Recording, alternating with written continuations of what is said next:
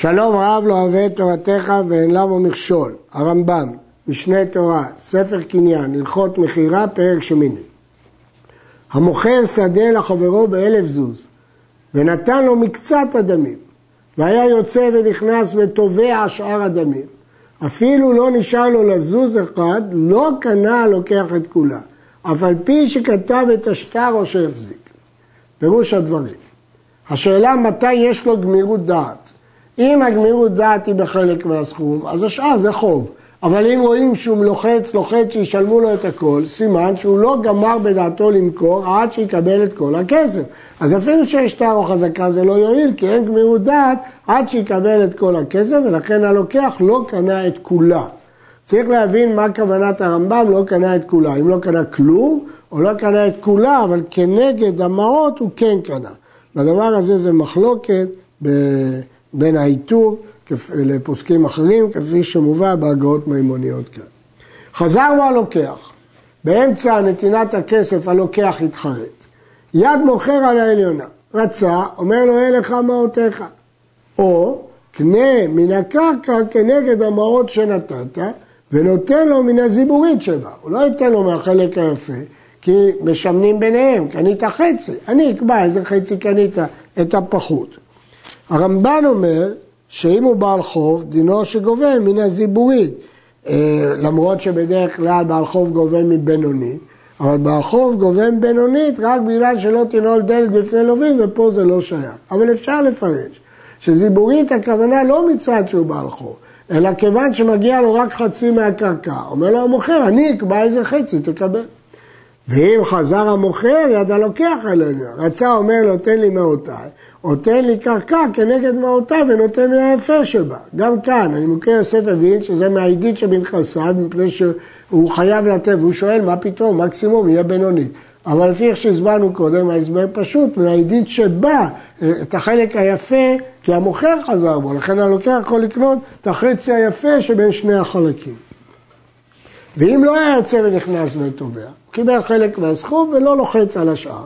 כנ"ל לוקח את כולה, כי ברור שהייתה פה גמירות דעת, וכסף קונה, או עם השטר, או חזקה, ואין אחד מהם יכול לחזור בו. שאר הדמים עליו כשאר החובות, כיוון שהייתה גמירות דעת, ולכן הקניין חל. מכר שדה מפני רעתה, אם המוכר לחוץ למכור את השדה, אבל פי שהוא נכנס ויוצא ותובע שאר הדמים, קנה הכל. ואין הלוקח יכול לחזור בו, כי להפך, הקונה, המוכר מעוניין שמיד השדה תימכר.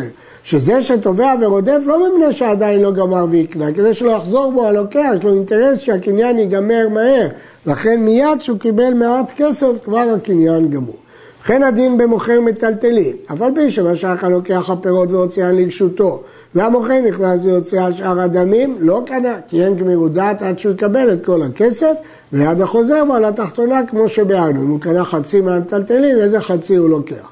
אלא אם כן רחב מפני רעת למכרו, הרי זה קנה הכל, כי בו ברור שהמוכר רצה למכור כמה שיותר מהר. לקח שווה מאה במאתיים, ובעצם העסקה טובה לטובת המוכר. והיה המוכר יוצא ונכנס ותובע שאר הדמים, הרי זה ספק, אם הוא כמוכר שדהו מפני רעתה, ואינו תובע על הפני שמכר ביוקר, בעצם הוא שמח מאוד שהעסקה תיגמר, רק מה שהוא לוחץ עליו שהלוקח לא יתחרט. או אינו כמוכר שדה ופלגת עליו, זה שתורה פני שעדיין לא גמר לקנותו עד שייקח כל הדמים. אין לו גמירות דעת עד שהוא ייקח את כל הדמים.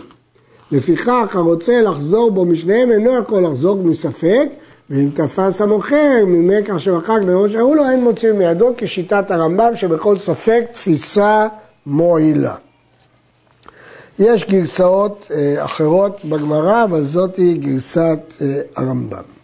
הקונה דבר בחברו ונתן לו את הדמים וטעה במניין המעות ולאחר זמן תבעו המוכר ואמר לו מאה שנתת לי אינן אלא תשעים. נקנה מכך ומחזיר לו עשרה אפילו אחר כמה שנים בין בקרקע בין מטלטלי כיוון שהיה לו גמירות דעת והוא רק תובע את השאר בתורת חוב. הרייבד אומר שאם באותו יום הוא רץ אחריו לקבל את ההפרש, בטל המקח, כי אין פה גמירות דעת. האומר לחברו, כשאמכור שדה זו, הרי מכורה לך מעכשיו במאה זוז. זאת אומרת, תדע, אם תראה אותי מוכר את השדה הזאת למישהו, היא כבר מכורה לך מעכשיו. וקנה מידו על כך, עשו קניין סודר. ולאחר זמן מכרה לאחר במאה, קנה הראשון, כי זה היה התנאי שכשהוא ימכור לשני זה יהיה מכור לראשון במאה. מכרה ביתר על מנה, קנה האחרון, שלא אמר לו אלא כשאמכור, שיהיה מוחק מדעתו תחילה. וזה לא היה רוצה למכור ולא מכר על פני התוספת שעושים זית שוויה, נמצא כמי שנאנס למכר. כל מה שהוא אמר לו, אם אני אחליט למכור, אתה הוא הראשון. אבל כאן הוא לא החליט באמת למכור, אלא בגלל ששילמו לו הרבה כסף. אכן הוא הסכים למכור, אז זה מכירה רק לשני ולא לראשון. אמר לו, כשאמכרנה נערי קנויה לך מעכשיו במה שישומו אותה בדין שלושה, אפילו על פי שניים מהשלושה. ברגע שהוא הזכיר בדין שלושה זה רוב שלושה. אמר לו, כמו שאומרים שלושה, הוא לא הזכיר את המילה בדין, עד שאומרו השלושה, לא מספיק שניים. וכן אם אמר לו כמו שישומו בדין ארבעה, עד שישומו ארבעה כולם ויסכימו. כי בדין זה שלושה, למה הוא אמר ארבעה? כנראה הוא רוצה ארבעה, אז פה לא יועיל רוב. וימכור לאחר כמה שהסכימו, ואחר כך יקנה הראשון לפי התנאי. שמו אותה שלושה או ארבעה, ואמר המוכר עד שיבואו שלושה אחרים או ארבעה וישובו, אין שומעים לו. שהרי קנו מידו תחילה, שמכר מעכשיו היה תנאי והתנאי התקיים ולכן המכר חל. עד כאן.